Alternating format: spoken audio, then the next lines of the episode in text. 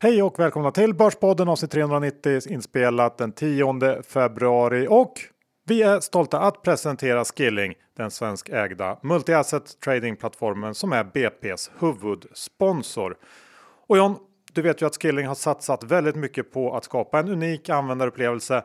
Det ska vara och är säkert, snabbt och enkelt.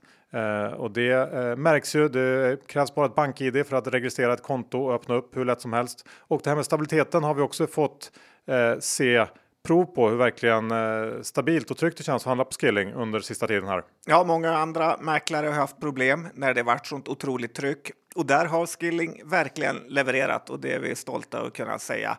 Eh, jag tycker också att man ska vara imponerad över hur enkelt det är att eh, starta ett demokonto om man bara vill testa och kolla runt lite på Skilling så behöver man inte sätta in några riktiga pengar utan bara se allt vad de erbjuder och det är ganska mycket. Skilling har även lanserat 30 nya amerikanska aktier som handlas courtagefritt under februari månad, även utan räntekostnader. Bland annat GameStop, AMC, Palantir Tech, Peloton och Xpeng. Ja, och eh, som jag sagt på slutet, kryptomarknaderna är hetare än någonsin. Skilling erbjuder handel i 10 stycken kryptovalutor, de största, de som man vill handla i. Eh, titta på det om ni vill komma åt den tillgångsklassen. Ja, dag som natt och helger med. Ja, och eh, dessutom så finns det tre olika tradingplattformar att välja mellan. Det finns någonting som passar alla och eh, det kan ni också läsa mer om på hemsidan. Behöver man hjälp så är det bara att kontakta den svensktalande kundtjänsten. Men kom ihåg 69% av retailkunderna förlorar pengar när de handlar CFDR. Besök skilling.com för en fullständig ansvarsfri skrivning. Så med det sagt så gå in eh, på skilling.com eller ladda ner appen och testa själva. Vi säger stort tack till Skilling. Vi är mitt uppe i rapportperioden så det blir såklart väldigt mycket rapportsnack det här avsnittet John. Ja, det passar ju väldigt bra att så många spel eller bettingbolag om man vill kalla det det har kommit med sina rapporter när vi har supergästen i form av Ardalan Shekarabi som är socialförsäkringsminister och ansvarig mannen bakom den svenska spelregleringen. Ja, så missa inte snacket med Ardalan.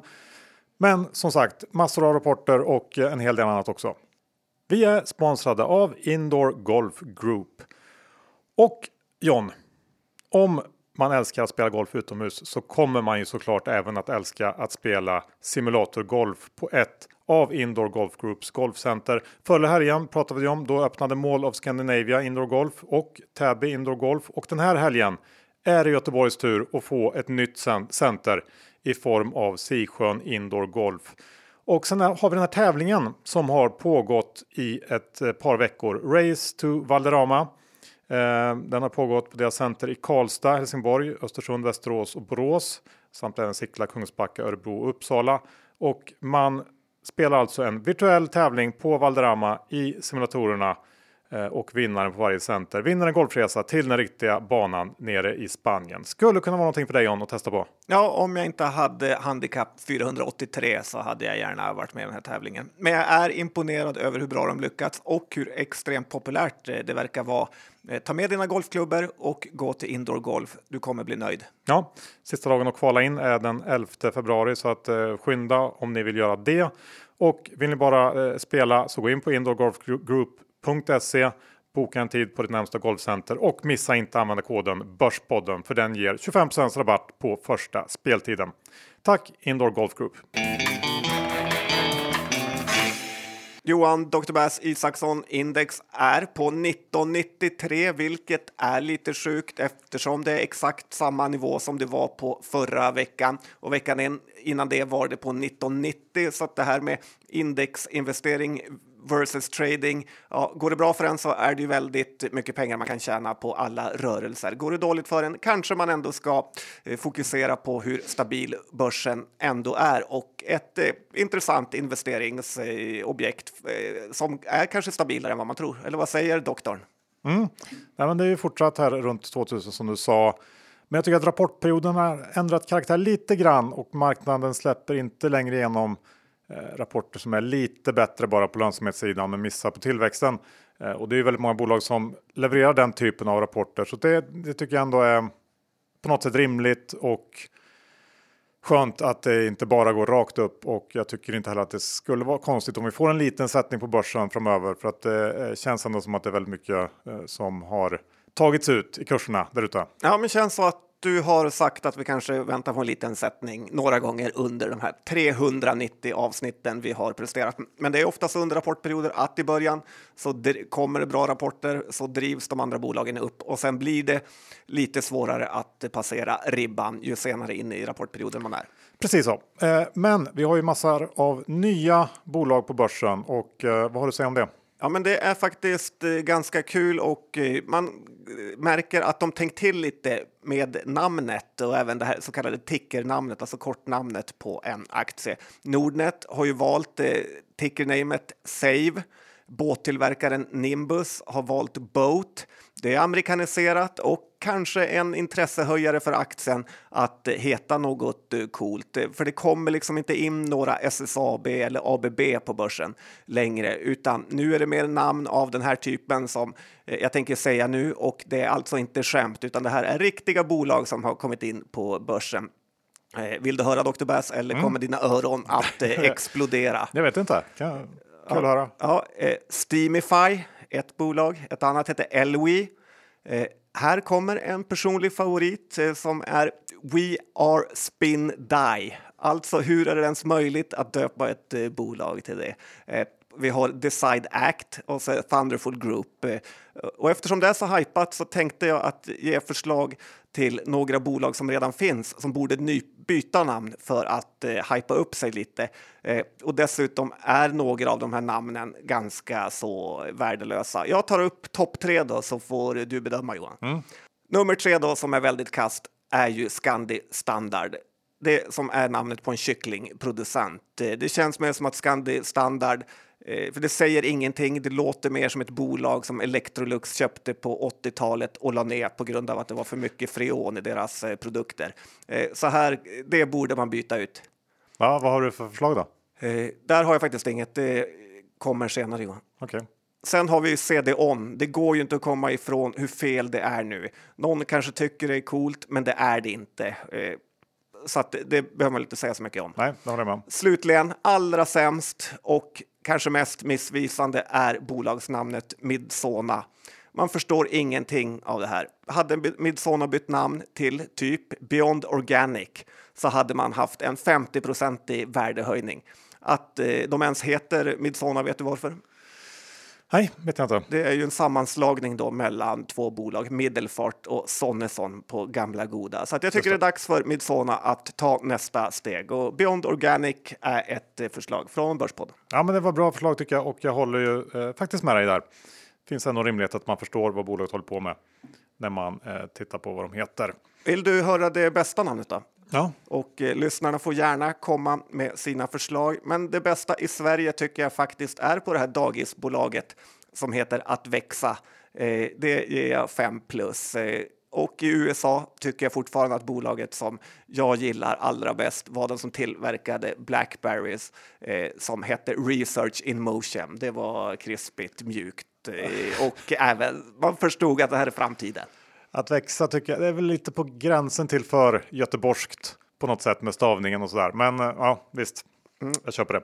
Du, den här Vinvino appen är ju någonting som du gillar. Ja, och Breakit har rapporterat om att Kinnevik har satsat massa pengar här.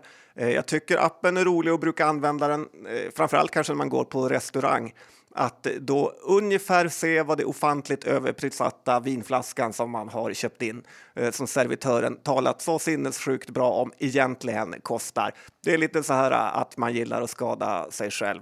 Eh, men det är också kul för att det, den ger ett internationellt pris.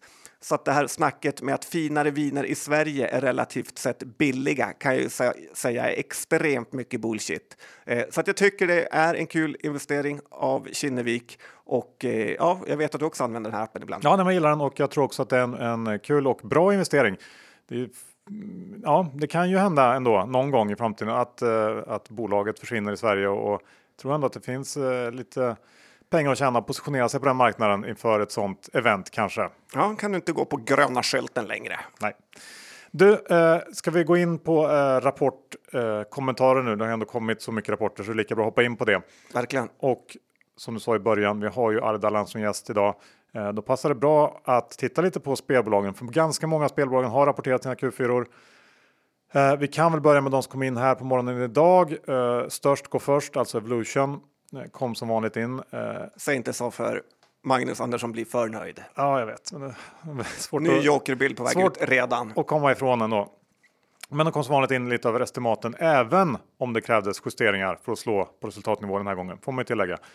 Och eh, noterade också att NetEnt bara växte med 5% under kvartalet. Eh, lite oroande kan jag tycka, även om det är en liten del av Evo bara. Jag vet inte riktigt vad det är som spökar där, om det är Tyskland. Um, men i övrigt så är det inte så mycket mer att säga. Uh, de guidar för, för en 65 i marginal här under 2021 och det är ju starkt såklart.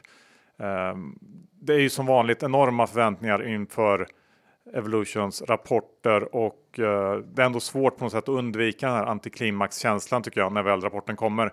Så att um, nu är aktien upp lite idag, får se hur den slutar. Det känns som att um, ja, det, det ska inte röra sig jättemycket på den här rapporten då, tycker jag. Nej, välguidat och eh, visar väl ändå hur fint bolag Evolution är och det är kul att Sverige har ett sånt ja, nästan 200 miljarders bolag nu. Ja, det är det. Sen har vi Kindred. Eh, kom in i linje med den här omvända vinstvarningen som de gått ut med tidigare.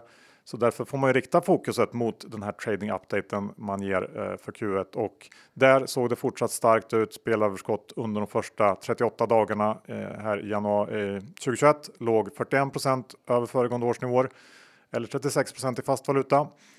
Eh, och här låg analytikernas förväntningar för hela Q1 inför rapporten på 24 så att eh, det ser ju bättre ut då. Och man ska också komma ihåg att sporten började påverkas ganska hårt i slutet av Q1 förra året. Eh, så att det, det, estimaten borde nog komma upp lite grann på det här. Eh, ja, starkt får man säga. Ja, verkligen stor skillnad på nu jämfört med när vi i våras eh, efter Kindred fick vinstvarna och de fick den här 100 miljoners eh, boten sa att Henrik Tjärnström var en low energy guy. Han var inte så tuff eh, just då. Eh, nu har han ju verkligen vänt på skutan och visat vilken toppkvalitet vd han är. Ja, men så är det. Och eh, så har vi också Kambi som vi får ta i, i lite samma svep som Kindred. Eh, också helt i linje med den omvända vinstvarningen.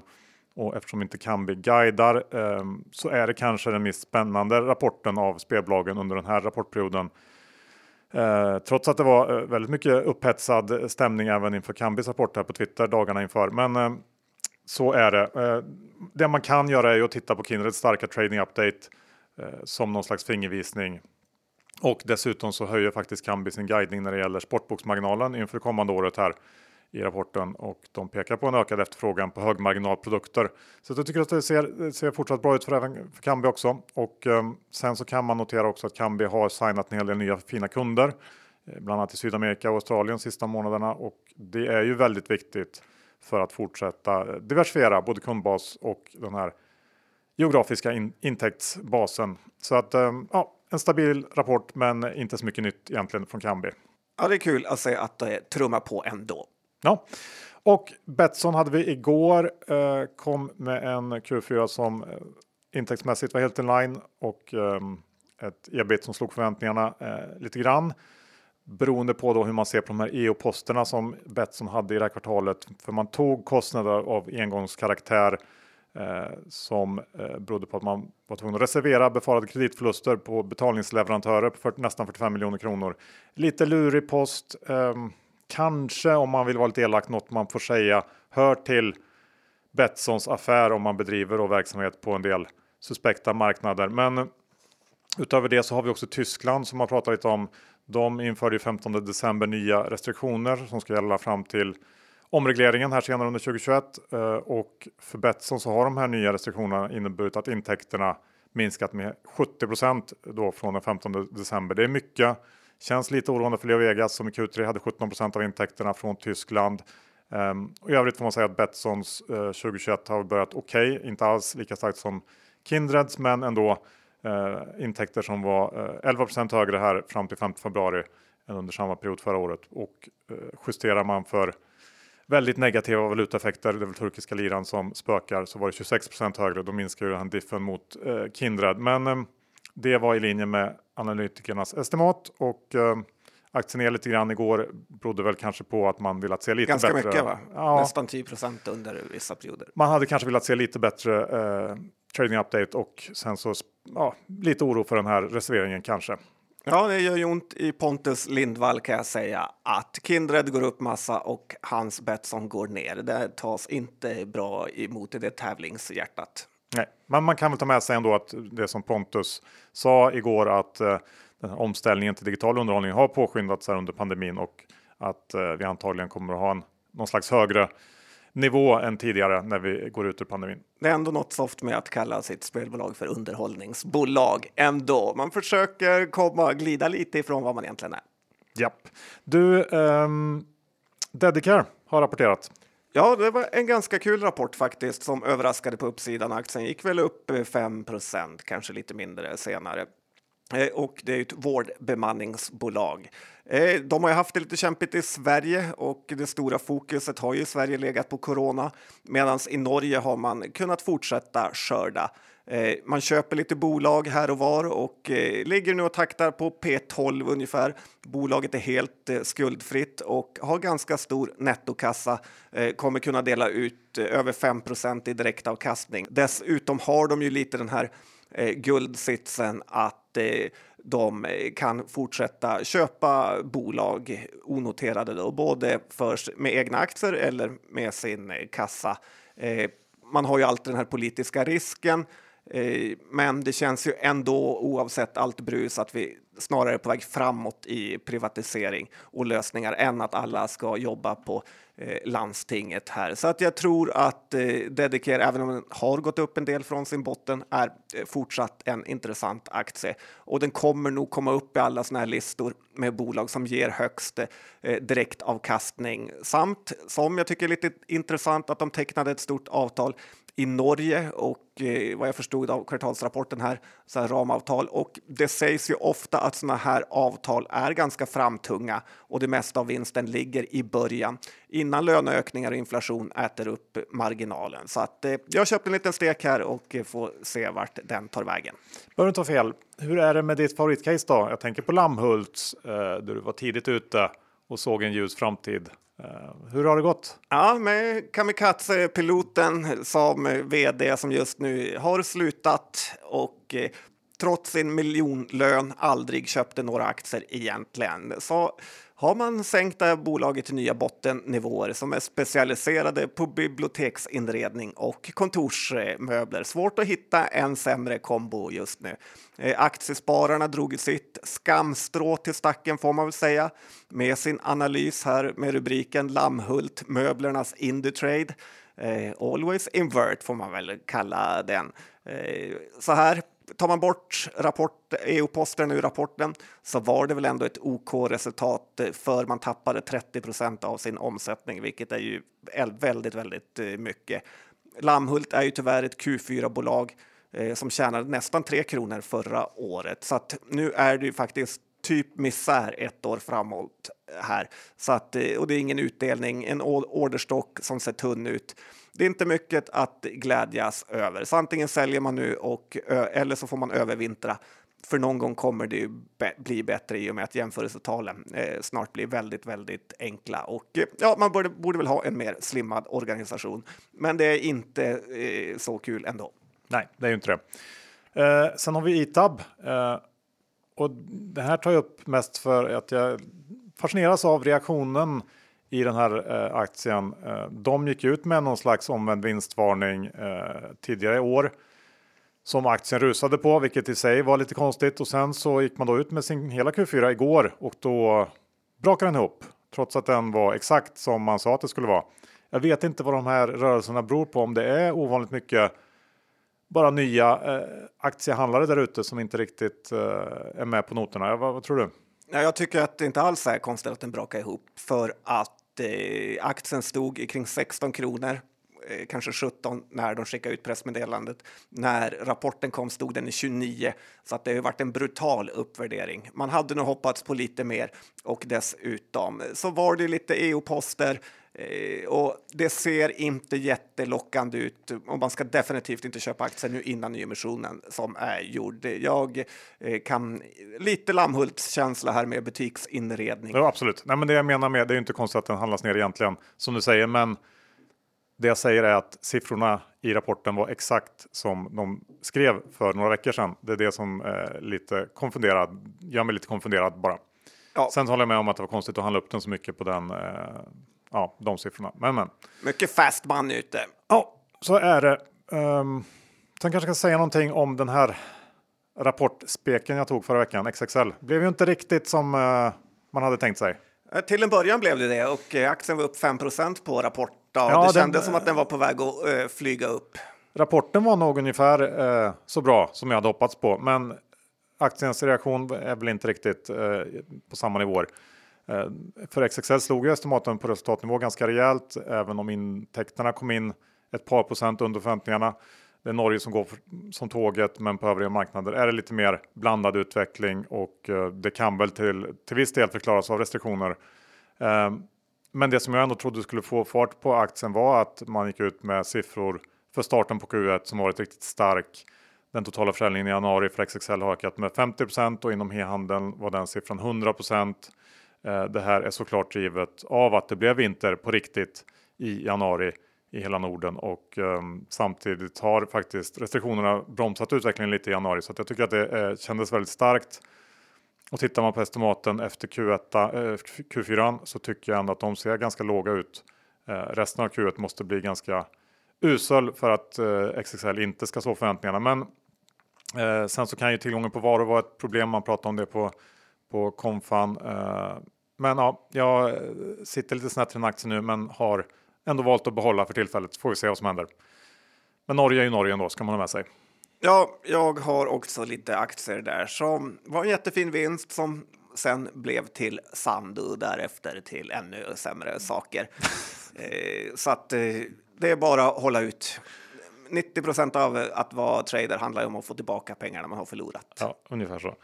Eh, Resursbank har eh, rapporterat igår. Ja, och det är ju inte så sexigt får man säga och det är kanske inte heller något för den nya generationens Netflix aktieraketjägare utan mer för bottenfiskare. Så är det här lite intressant i case. Erik Selin är ju en av de största ägarna och eh, marknaden fick verkligen en hatkänsla här som skickade ner aktien nästan 10% på sin rapport. Eh, resurs kommer nu också vara ett sånt här högutdelande bolag och ge nästan 5,5 procent i utdelning eh, med någon konstig hänvisning att man tar 25 procent från 2019 och 25 procent från 2020. Eh, ibland kan man bara göra det enkelt för sig, men det är sånt här folk pysslar med i styrelser. Eh, det mesta av nyckeltalen föll eh, som försäljning och vinst, men eftersom Resurs är någon typ av bank som folk använder sig av inom retailhandeln och affär, alltså affärer då, så tycker jag att det var ganska väntat och eh, man kan nog vänta sig att det återvänder kunderna. Eh, kunderna återvänder här när butikerna öppnar igen och man får lite draghjälp där. Så att eh, resurs är inte dyrt utan kanske en aktie att bottenfiska. Jag håller med om. Det kändes kanske lite som en överreaktion igår när den gick ner kraftigt på den här rapporten, men ja, det är out of fashion nu helt enkelt med den här typen av aktörer. Ja, och det har varit länge. Och sen har vi också eh, en storbank, Handelsbanken. Ja, det har faktiskt dykt upp en sån här uh, intressant trade som jag tycker att uh, jag eller som jag tänkte passa på att pitcha här innan Jocke Bornhold ringer till det och kör samma för att han har fått för lite uppmärksamhet på sistone. Så är det den här spread trading möjligheten uh, som uppstår då och då och nu har vi en sån. Handelsbanken A alltså aktien som är mer röststark och mer likvid, handlas nu med 13 kronors rabatt mot eh, eh, B-aktien. Egentligen borde det vara tvärtom som i SSAB, men av någon anledning som är svår att förstå eh, så är det tvärtom här och det kan ju vara så att det är stora säljflöden i den eh, likvida aktien som har då har gjort skillnaden så stor. Eh, men det finns lån och snart närmar vi oss utdelningen på riktigt här faktiskt och eh, då bör folk som sitter på B-aktien vilja byta den eh, och då går den ner och man kan göra sig en liten riskfri hacka här. Enda risken är väl egentligen att B-aktien fullständigt spårar ur, vilket nu efter alla blankar attacker inte känns lika orimligt som tidigare. Men eh, byter man en eh, B-aktie mot en A-aktie så går man från en direktavkastning på 4,19 till 4,86. Så det är ett enkelt sätt att höja direktavkastningen i portföljen om man skulle sitta på några Handelsbanken B-aktier. Bra, då vet vi det. Eh, och med de orden så är det väl dags att eh, gå över till snacket med Ardalan Shekarabi. Eh, det är väl inte så mycket att säga än att eh, släppa på det direkt. Nej, och man får ge han all respekt som minister i Sverige glida ner i Börspodden-studion. Vi är denna vecka sponsrade av Lendify. Ja, och vi har som Börspodden en ganska stor del av vårt företags pengar investerade och sparade hos Lendify. Det är ett väldigt bra sätt att inte ha alla pengar på börsen och man får både ränta och amortering som tickar in och förstärker ens kassaflöde eh, dag efter dag i princip. Vi har nu över tusen lån i vår låneportfölj. Ja, och eh, andrahandsmarknaden funkar väldigt bra där är vi eh, aktiva på köpsidan, men man kan ju också sälja lån där om man behöver frigöra lite likviditet. Och vill man pröva på det här, ja då går man in på lendify.se snedstreck Bordspodden, stoppar in och investerar minst 20 000 kronor och då får man 500 kronor insatt på sitt konto. Så gå in på lendify.se snedstreck Bordspodden.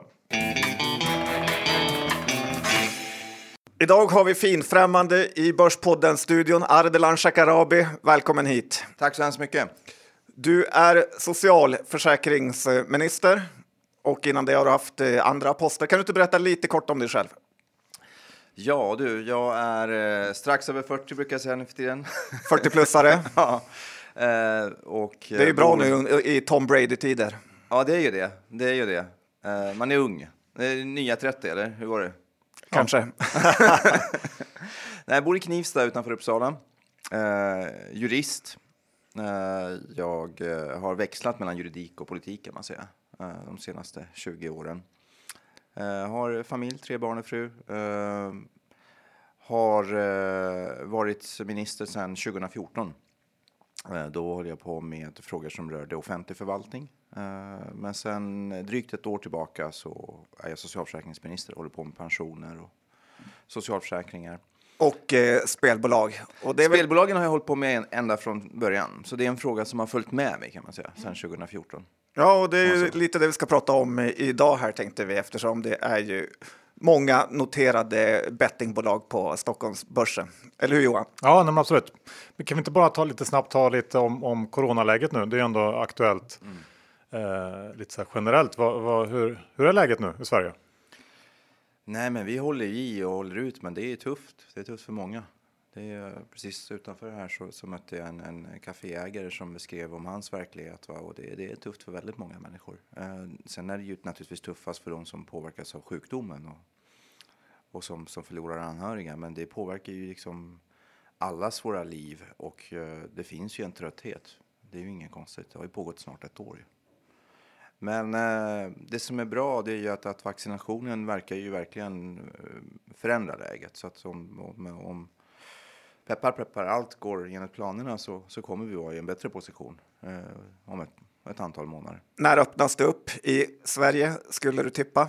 Nu när du gillar att prata jag, betting jag och tippa? Nej, jag har slutat tippa om, om coronaläget för det går liksom inte att förutse. Det är väldigt svårt att, att, att se men det är klart att, att eh, om vi lyckas med, med, med vaccinationen i Europa, ja, då har vi ju ett annat läge, självklart. Eh, då blir det ju en annan, en annan spridningssituation och det kommer kunna påverka våra liv också. En annan grej som är på tapeten nu är ju elpriserna. Nu är du lite accountable för hela Sveriges regering här i Börspodden-studion. Vad säger du om dem som har skenat och det är nedlagda eh, kärnkraftverk och så vidare? Nej, men det är så här, jag minns ju bara för några år sedan så var det ju diskussion om att nu skulle vi äntligen få den där europeiska elmarknaden. Och sen när vi får den europeiska elmarknaden, då undrar folk, ja men varför importerar vi eh, en period från andra länder? Jo men det är ju, det är, vi vill ju ha en europeisk marknad. Det var liksom en poäng med Europeiska unionen också, att, att vi skulle få en gemensam marknad också för el.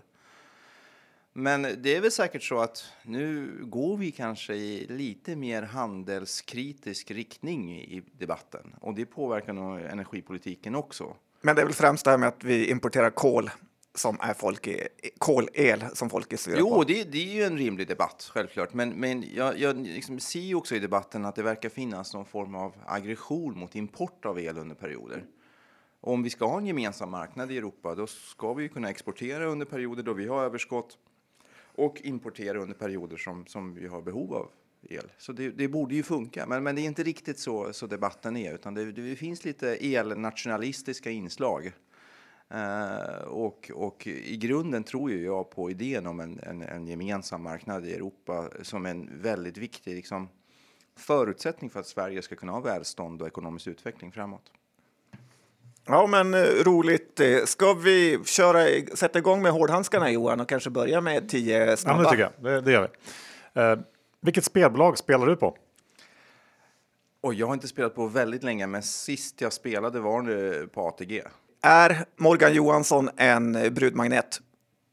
Eh, jag, jag, han är, det är en väldigt stilig man, så, så vi svarar ja. Vem tar över efter Löfven som socialdemokratisk ledare? Jag hoppas att Löfven fortsätter eh, väldigt länge. Vi behöver hans ledarskap. Du är lite kronprins, va, sägs det? Nej, det hoppas jag verkligen inte. Det är så man ska säga, eller hur? Eh, vi går vidare. Hur rankar du Jan Emanuel Johansson? Han är otroligt skicklig på att synas. måste man säga. Det får man säga. Ja. Det var politikersvar. Och eh, så fortsätter vi. Man vet ju via Instagram att du är en utemänniska. Eh, varför har du alltid eh, fjällräven-prylar? Eh, ärliga svaret är att jag har fått dem i present av min fru. Sparar du själv i aktier? Eh, I fonder, inte i aktier. Direkt. Vi går över till, till spelreglering. Nu har det gått lite drygt två år sedan den svenska spelmarknaden reglerades. Eh, Hur tycker du att det har gått? Att det har gått? Väldigt bra måste man säga med, med eh, omreglering av marknaden. Jag blev ju eh, civilminister och hösten, oktober 2014. Och nästan en dag efter att jag hade eh, blivit, en dag efter att jag hade blivit eh, minister, då fick jag höra att jag skulle också ha ansvar för spelfrågorna. Och jag hade följt lite grann spelpolitiken eh, för jag, vi studerade det här Unibet-målet som handlade om eh, faktiskt Unibets då, mål mot svenska staten, och mot monopolet. Och jag var liksom en av dem som verkligen förespråkade en omreglering med, eh, av marknaden med licenssystem. Men Anders Borg hade ju eh, bromsat det där i åtta år under de, de, de åren han var finansminister. Eh, Det där är en egen historia, varför han lyckades bromsa det och, och, och vad som var hans skäl till varför han bromsade en omreglering av marknaden. Kan du bara ta det snabbt? En mening. Ja, alltså kritikerna menar att det handlar om att han ville ha intäkterna från, från, från Svenska Spel. Om det stämmer, det vet jag inte. Men, men det, det är så det beskrivs i alla fall, varför, varför en omreglering av marknaden stoppades under Reinfeldts år. Men i alla fall, eh, jag sitter där och, och dagen efter jag fick ansvar för spelfrågorna så, så kom det ett hot om att kommissionen skulle stämma Sverige. På grund av, av, av spelregleringen. Och jag hade ju alltid trott på ett licenssystem. Så, så jag hade då kontakt med, med eh, kollegorna i regeringen och, och kände att här finns det liksom ett stöd för att gå, gå vidare och, och göra det som borde ha gjorts för tio år sedan och omreglera marknaden. Och efter det kontaktade jag med eh, Per Bill då, som då var moderat ordförande för kulturutskottet i riksdagen som ansvarar för spelfrågorna. Och han var på. Så då satte vi igång. Eh, och eh, svårigheten var ju att omreglera marknaden på fyra år. Det är, ju, det är en enorm reform ju. Med, med liksom att införa ett licenssystem, egentligen omreglera hela strukturen. Men det gick vägen faktiskt. Eh, mycket tack vare väldigt nära samarbete med, med Moderaterna i, och de borgerliga partierna i, i riksdagen. Också för att det fanns ett jättestarkt stöd i regeringen för omregleringen och det är ju mot bakgrund av att svenska staten hade ju i princip abdikerat från ansvaret att reglera marknaden. Det hade ju varit vilda västern i nästan två decennier. ju. Eftersom de här Malta-baserade bolagen inte behövde följa svensk lag. Men det har ju ändå varit rätt mycket kritik mot eh, spelregleringen. Att, eh, ja, ett av de främsta eh, är ju det här med att eh, kanaliseringen inte är hundraprocentig eller att de spelberoende försvinner till eh, andra sajter som då inte är reglerade. Vad säger du om det? Nej, men kanaliseringen är ju en framgångssaga om man tittar på vad vi satte för mål. Vi är strax under 90 procent i kanalisering och det ser ju väldigt bra ut om du jämför med andra länder. Men sen, jag menar, jag är en person som aldrig är nöjd generellt sett. Så jag vill ju att vi ska komma upp i... i... Lite som Foppa. Ja, men man ska inte vara nöjd. Alltså, om man är i politik, då ska man ju vakna på morgonen och vara missnöjd. Det är ju liksom hela poängen med politik. Då kan du vara trader också. Ja, nej, jag har inte den riskbenägenheten kanske. Men det är strax under 90 procent befinner vi väl oss inte ändå. Eh. Jo, det är, de, de siffror som, som, som vi utgår ifrån så befinner sig kanalisering mellan 80 och 90 procent. Sen kommer ju eh, en del eh, spelbolag med andra siffror, men, men gräver du eh, i, de siffrorna så, så är det inte riktigt i hela verkligheten. Utan när det gäller kanalisering så befinner vi oss strax under 90 procent och målet var 90 procent. Vi sticker ut i jämförelse med andra länder som omreglerat marknaden. Vi har väldigt bra kanalisering, men min poäng är vi måste öka, höja kanaliseringen ytterligare. Och då har vi då eh, utsett en, en man som inte heter Gunvald Larsson utan Gunnar Larsson. Han är då... Eh, Lika lynnig. Eh, ja, en tuff man. Han är generaldirektör för Kammarkollegiet, en gammal domare och var tidigare generaldirektör på Konsumentverket.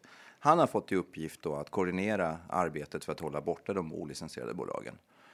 Och vi kommer att ta i hårdhandskarna. Vi kommer, eh, vi kommer att stoppa de här bolagen. Det är ju det är målsättningen och det handlar ju om, om olika insatser. Bland annat så har ju spelbolagen lyft att det borde vara också krav på licens för underleverantörerna så att man inte ska kunna leverera till olicensierade bolag. Varför införde ni inte det på en gång eftersom det är hyfsat uppenbart? Vi hade inte riktigt uh, det underlaget, uh, men nu har vi fått underlaget på vårt bord. Spelmarknadsutredningen uh, la fram då ett, ett, ett, förslag om det, så det är väldigt bra. Så när kan man tänka sig att det finns B2B-licenser på plats? Ja, jag hoppas ju under den här mandatperioden, vilket innebär ju att, att senast nästa år. Men jag tänker det här med kanaliseringen 90 procent. Du säger att alla spelbolag, inget eh, skulle hålla med om att det är 90 procent. Hur är det ni räknar olika? Ja, det, det är ju lite olika sätt att mäta. Eh, det handlar om eh, om det är antal kunder eller om det är om det är totala omsättningen. Det handlar om om du tittar på hela marknaden eller om du tittar på nätkasino specifikt. Men den definition som vi hade när vi satte målsättningen då i samband med omregleringen. Det är ju den vi utgår ifrån och då är vi väldigt nära eh, den eh, målsättningen som, som politiken satte upp.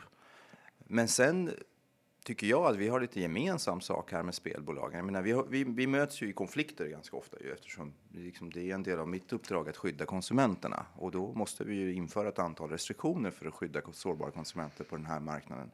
Men när det gäller kampen för att hålla borta olicensierade bolag, då har vi gemensamma intressen. För eh, jag har ju ett intresse av att upprätthålla svensk lag och, och vår ordning. Och spelbolagen har ju ett intresse av att hålla borta illojal konkurrens eh, från bolag som inte behöver följa lagstiftningen. Så här har vi här behöver vi egentligen inte ha motsättningar utan på det här området kommer vi nu jobba mycket tillsammans det är ju de som bland annat har eh, förespråkat det här med licens för underleverantörer. Så att det finns ju ett bra samspel i just den frågeställningen. Lite mer eh, vad ska man säga, konflikt när det handlar om spelreklam för nätkasino. Där har vi ju som de ser det i alla fall, eh, motstående intressen. Men jag menar ju att ska man ha en spelverksamhet i Sverige som är hållbar på lång sikt och som har liksom legitimitet hos svenska folket, då måste vi också få lite bättre grepp om eh, spelreklamen, för annars kommer vi få en situation som blir ohållbar. Och då är det lätt att hamna där Italien har hamnat. Då bara går de in och förbjuder all form av spelreklam. Och jag tror inte det är någon som eh, gynnas av det egentligen. Men det här, man tänker lite på det här med egna ansvaret. Behöver staten reglera precis eh, allting? Att, eh, hur mycket man ska få spela för och så vidare. Har man inget eget ansvar och eh, det är ju ändå väldigt liten del av befolkningen som har något eh, som helst problem med spelande. Alltså, det är alltid, politik handlar ju om, om en balansgång. Det handlar ju om att, att hantera olika, eh, ibland motstående intressen. Eh, och här har du ju liksom ett intresse av, av en, en marknad då som, som eh, eh, vill bedriva verksamhet eh, gentemot Sverige och de, de svenska konsumenterna och som har liksom ett intresse av att öka eh, sin vinst. Och så har du motstående intresset av att skydda sårbara konsumenter. Och det räcker ju att det är så här 2-3 procent av befolkningen så pratar vi om ganska många människor. Mm. Uh, och vi har en, en, en, situation där det är väldigt många sårbara konsumenter. Uh, alla blir ju inte spelberoende, men det finns många som har en risk för att hamna i, i problematiskt spelande. Och då är ju liksom statens ansvar att, att hitta uh, rätt intresseavvägning, liksom rätt balansgång.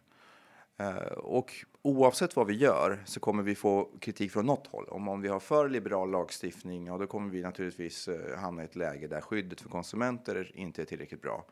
Har vi för restriktiv lagstiftning, ja, då kommer marknaden bli missnöjd, för då, då minskar det ju deras eh, möjligheter att, att, att öka vinsterna. Så att, det är ju på något sätt mitt jobb och eh, regeringen och riksdagens jobb att, att göra den här intresseavvägningen. Jag tycker vi har landat bra eh, med tanke på att eh, Ja, fram till eh, 1 januari 2019 så hade vi ju inte ens möjlighet för de här bolagen att bedriva eh, laglig verksamhet gentemot svenska marknaden. Nu har de rätt att vara här, de har rätt att marknadsföra sig här.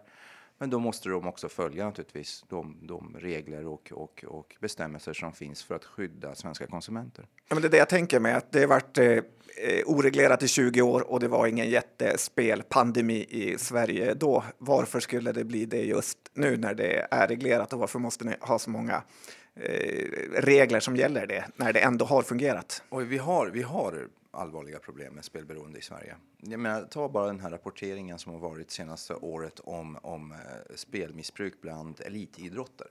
Då tittar vi bara på en liten, liten grupp i samhället, elitidrottare. Väldigt många där som har hamnat i, i problematiskt spelande. Sen har du andra grupper, människor som, som hamnar i skuldfällan, så det finns också ett samspel mellan framförallt spelandet på nätkasino där du kan göra av med väldigt mycket pengar på kort tid och eh, snabba krediter. Då. Eh, så det finns stora risker. Eh, men jag har ändå landat i slutsatsen att jag förespråkar inget förbud för, mot, mot uh, nätkasino. Utan jag tycker det är bättre i så fall att ha uh, det, här, det här fenomenet inom systemet och försöka reglera det och då hantera de intressekonflikterna i regleringen. Men är det inte bra att sätta stopp för snabba krediter, sms-lån då också för att de pengarna används ju ofta till spel? Ja, faktum är att jag kom liksom tillbaka till politik. Jag hade slutat med politik och, och var helt inne i den juridiska världen. Men jag kom tillbaka till, till eh, politiken tack vare den här frågan, sms-lån. Jag var, satt på en advokatbyrå och kom i kontakt med, med människor som hade hamnat i skuldfällan på grund av sms-lånen. Så det blev liksom starten på mitt engagemang och, och, och vägen tillbaka in i, i det politiska engagemanget.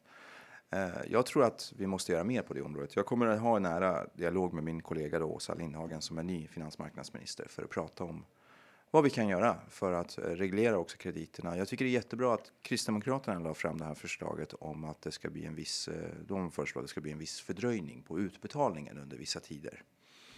Det, det, där har ju, har ju vad heter det, A-lotterierna som ju är ditt eget partis lotteribolag fått en del kritik för ni har ju haft ett undantag eh, när det gäller just att sälja lotter på kredit. Inte, de har ju inte haft eh, undantag, utan eh, de som har haft eh, alltså ideella aktörer som bedriver lotteriverksamhet har haft undantag att man kan, man kan ha prenumerationer och mm. det blir ju en form av kredit. Men det mm. begränsade vi ju med omregleringen. Okay. Jag tycker det är jätteviktigt att, att det är samma konsumentskydd för, för spelverksamhet, alltså oavsett om det är ideella aktörer, eh, om det är partier eller vad det, vad det är nu för aktörer, eller om det är kommersiella aktörer. Sen är det ju olika regler för, för lotterier, för det ideella ändamål och nätkasino. Och det är ju, eh, syftet är ju att, att ideella aktörer ska kunna ha intäkter från lotteriverksamhet. Men konsumentskyddet måste vara starkt på båda sidorna. Den här gränsen på 5 000 kronor då, hur kom ni fram till den? Och just att man kan spela på 5 000 hos jättemånga olika bolag. Vi tittade ju på om det fanns möjlighet att, att under pandemin införa en totalgräns. För det hade ju naturligtvis varit det bästa skyddet om man sa att okej, okay, det här är ju det man får spela för eh, i Sverige då eh, per vecka. För att skydda de mest sårbara konsumenterna. Men eftersom det inte finns ett register och det är svårt att koordinera eh, ett register för spel på olika bolag, då, då var inte det möjligt. Och då fick vi sätta gränsen då per bolag. Eh, och varför det blev just den här konstruktionen, det var ju dels i nära dialog med forskarna på det här området, så vi hade väldigt nära eh, dialog med forskningen. Men sen tittade vi på andra länder. Det här är ju i princip den modell som har införts i andra europeiska länder. Sen finns det ju länder som har gått betydligt längre. Du har ju länder som har totalt förbjudit nätkasinoverksamhet under pandemin. Då. Men, men vi landar att det här är väl avvägt och att, att, att det är en bättre, en bättre lösning utifrån de olika intressen som finns på det här området. Ska vi gå in på lite roligare grejer då? Vi har ju ändå väldigt många framgångsrika svenska spelbolag. Evolution Gaming nu är nästan börsvärde på 200 miljarder. Det är större än SKF, dubbelt så stort som dem. Det är större än Essity. Eh, skulle det inte finnas en ett sug att försöka locka de här bolagen till att komma till eh, Sverige och ha sina kontor här istället för på Malta? Ja, när det gäller själva spelregleringen så har vi ju möjliggjort det. Det var ju inte möjligt innan 2019. Eh, men nu är det ju möjligt, så, så det, är ju, det är ju inga som helst problem för, för spelbolag att, att etablera sig här då, om man har licens och bedriver verksamhet gentemot eh, marknaden. Då, här så behöver man ju ha licens här. Men sen är de ju eh, i andra länder av, av helt andra skäl. Det har ju inte med spelpolitik att göra, utan det har att göra med, med kostnader och, och bolagsskatt och andra faktorer som, som påverkar. Men, men jag, har, jag har inga principiella liksom, invändningar mot, mot att svenska spelbolag bedriver sin verksamhet härifrån. Eh, tvärtom. Jag, jag tror eh, en stor del av, av kritiken från, från marknaden eh, kommer nog ifrån att det känns som att ni har varit väldigt hårda mot de som ändå har försökt eh, skaffa licens och försökt sköta sig. Jag vet Kindred fick ju till exempel en ganska stor bot här i eh, våras var det va? Eh, på 100 miljoner för mig. Ehm, och samtidigt så känns det inte som att det har gjort så enormt mycket för att förhindra de här som inte vill eh, rätta sig i ledet så att säga och inte vill ha licens utan bara köra på. Eh, förstår du den, den eh, känslan från branschen? Ja, men de, den invändningen är befogad. Det är ju därför det är rätt att, att nu fokusera på arbetet mot att hålla borta olicensierade bolag. Eh, men där har vi en, en, ett gemensamt intresse. Men sen är det ju så att har man väl gett sig in på den svenska marknaden och, och, och, och eh, Eh, beslutat att, att, att ansöka om licens för att följa svenska lagstiftningen, ja men då måste man också förhålla sig till regelverket och då har vi en ordning att begår du brott mot eh, det svenska regelverket, då finns det sanktioner. Det är ju, de har ju valt att ge sig in på den här marknaden, då måste de följa regelverket, precis som, på, eh, som vi har på finansmarknadsområdet. Det är så det Men det känns som en ganska tunn, tunn gräns där att skruva åt för hårt, vilket i förlängningen leder till att, att man liksom pushar spelare ut till, till svarta, eh, ja, svart aktörer så att säga. Eh, genom att dels att erbjudandena blir ju inte riktigt lika bra eh, och man måste ta höjd för, för diverse eh, som de här olicensierade aktörerna slipper. Och, och eh, det, är, ja, det, det, är svårt där. Känns det som att ni har hittat rätt tycker du? Eller kan man säga, för många säger ju att det blev värre efter de här nya hårda restriktionerna i, i somras. där det blev tuffare för de licensierade och att det öppnar upp ännu mer för för olicensierade aktörer och, och försämrade kanaliseringen ytterligare? Det finns väldigt lite som, som, som uh, bekräftar den bilden. Snarare tvärtom. Det går ju väldigt bra för många svenska spelbolag. De har gjort stora vinster under, under uh, 2020. Uh, Kanske inte just i Sverige i och för sig. Många, många lyckas ju bra Men det går bra även för de här. Uh, inte för alla naturligtvis. Uh, och vi ser inte någon, någon, någon, stor effekt på kanaliseringen. Men däremot så, så självklart så måste vi ändå beakta den här, uh, de här motstående intressena och hitta liksom en, en, en lämplig balanspunkt. Det, ju, det, måste vi självklart beakta. Men, men det, det, finns väldigt lite som, som, som bekräftar den bilden av att, att de här åtgärderna skulle helt påverka kanaliseringen av eh, konsumenter eller att, att det här skulle innebära att, att eh, de eh, stora svenska spelbolagen får svårigheter att bedriva sin verksamhet här. Det är, det är inte riktigt den bilden man får. Däremot så finns det ju frågor om hur hanterar vi den här frågan som är väldigt stor för både spelbolagen och för legitimiteten för spellagstiftningen och det är ju nätkasinoreklam. Hur reglerar vi den? För det finns ju ett, ett befogat eh, folkligt missnöje med, med liksom omfattningen och aggressiviteten i spelreklamen, även om det har gått åt rätt håll. Det måste man säga, det har skett en, en, en klar förbättring. Vilken reklam stör du dig mest på? Snabbare.com Du kan göra en lång lista, men, men egentligen det är mindre intressant vad jag stör mig på eller vad liksom konsumenter utan eh, spelproblem stör sig på. Det, det är mer relevanta i vilken reklam är mest farlig för de sårbara konsumenterna. Och där har vi ju både en aggressivitet och en omfattning på spelreklamen specifikt för nätkasino som, som är problematiskt. Och, och, nu har vi ju förslag på vårt bord om hur det ska regleras så får vi se vad de olika aktörerna tycker om det. Förslaget är ju då, eh, som presenterades går ut på att man ska införa ett förbud eh, under vissa tider på dygnet eh, för nätkasinoreklam. Får vi se om, om, om det är någonting som landar eh, bra bland de, de intressenter som finns på det här området. Kindred släppte igår en rapport att eh, ungefär 4 kommer i, av intäkterna kommer från problemspelare. Eh, tycker du att det är högt eller lågt?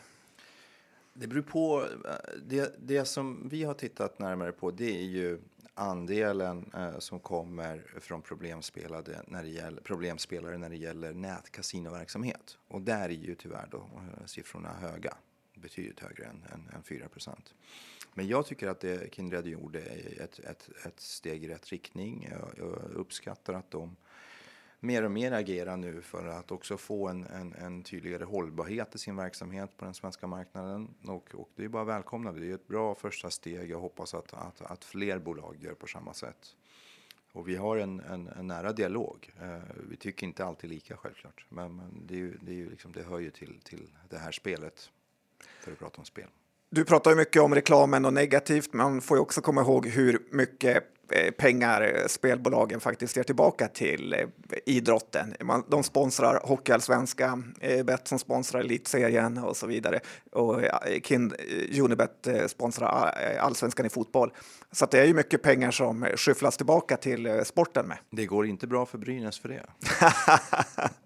inte för Löven heller. Nej, det, det, det, vi, får, vi får byta sport helt enkelt.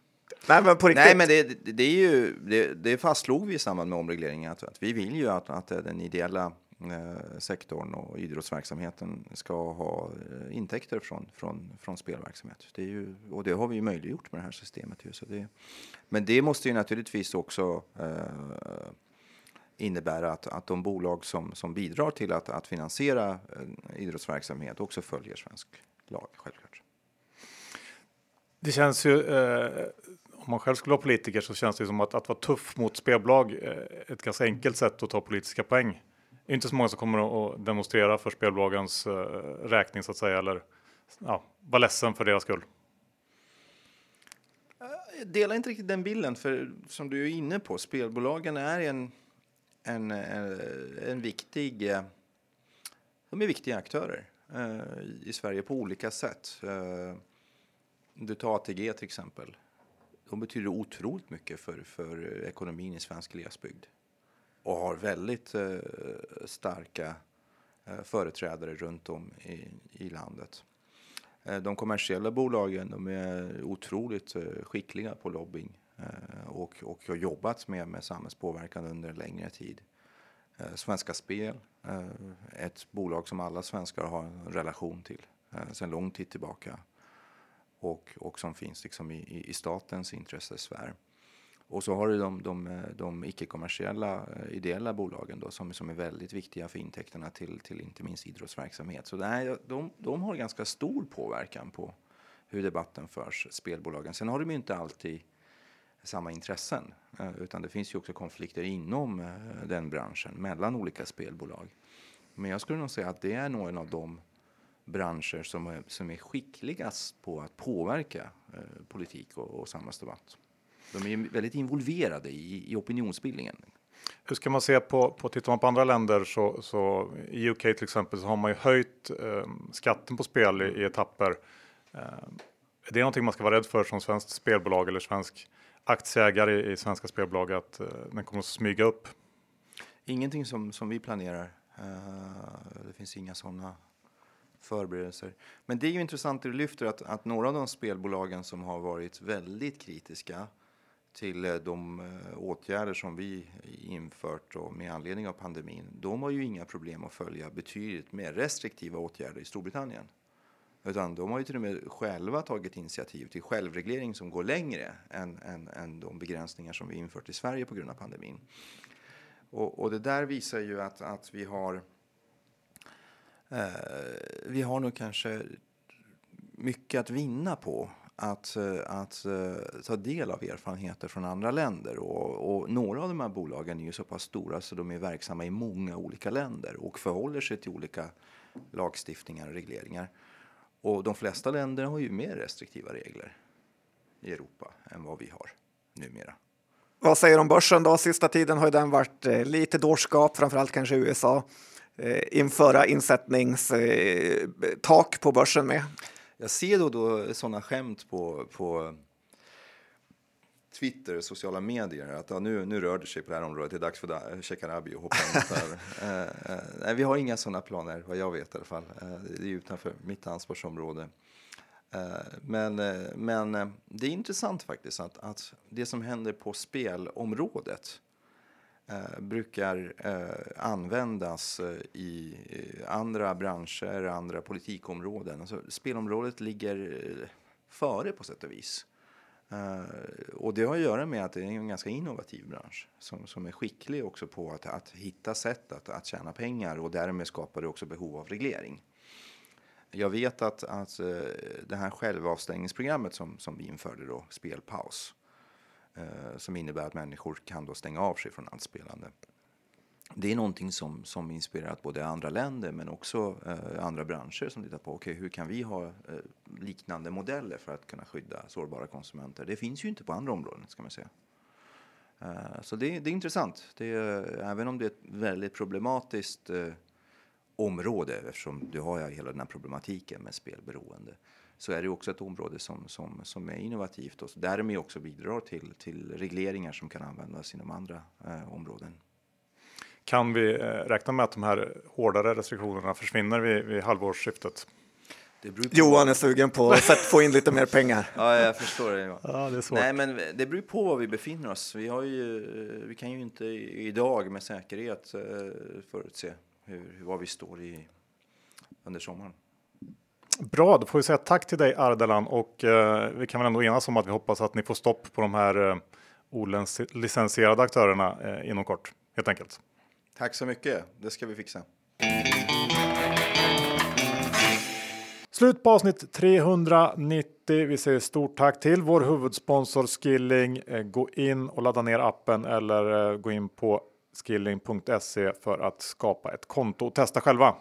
Jajebox. Ja, och missa inte heller Indoor Golf eh, och erbjudandet med koden Börspodden 25% rabatt på första rundan.